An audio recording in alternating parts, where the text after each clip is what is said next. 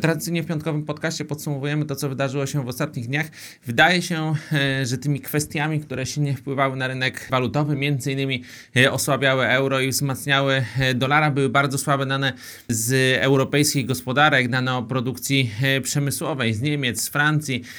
z Włoch, przede wszystkim z Włoch, no i oczywiście rewizje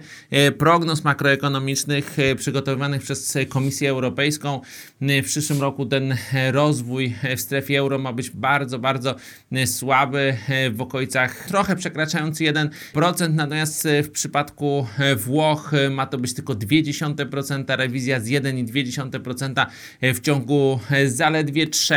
miesięcy. Dla całej strefy euro wzrost został zrewidowany o 60 punktu procentowego, także bardzo, bardzo dużo to potwierdza ogólnie słabą kondycję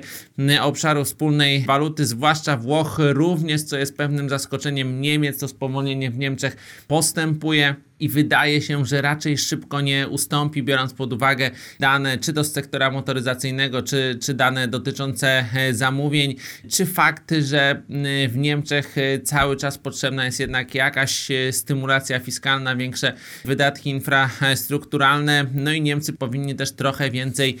wydawać i wydaje się, że mniej oszczędzać, żeby stymulować popyt wewnętrzny, gdyż nadwyżkę finansową mają całkiem sporo. Jeżeli zaś chodzi o inne e, wydarzenia, to wydaje się, że cały czas e, rezerwa federalna e, utrzyma stałe stopy procentowe w kolejnych kwartałach, natomiast to nie szkodzi dolarowi. Inne obszary walutowe mają większe problemy, więc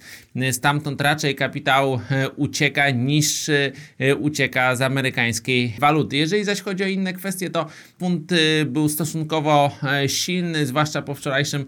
posiedzeniu Banku Anglii. To posiedzenie wcale nie było jastrzębiono było gołębie, zrewidowano w dół. Prognozy, doniesienia dotyczące Brexitu są na tę chwilę negatywne, natomiast rynek wydaje się, że wycenia już ten pozytywny scenariusz, że do jakiejś umowy dojdzie, że dojdzie przynajmniej do e, przedłużenia procesu negocjacyjnego, nie obawia się tego e, twardego Brexitu i być może to jest słuszne, to jest e, logiczne myślenie, ale w międzyczasie do końca marca jeszcze może się dużo wydarzyć, ten strach może wzrosnąć,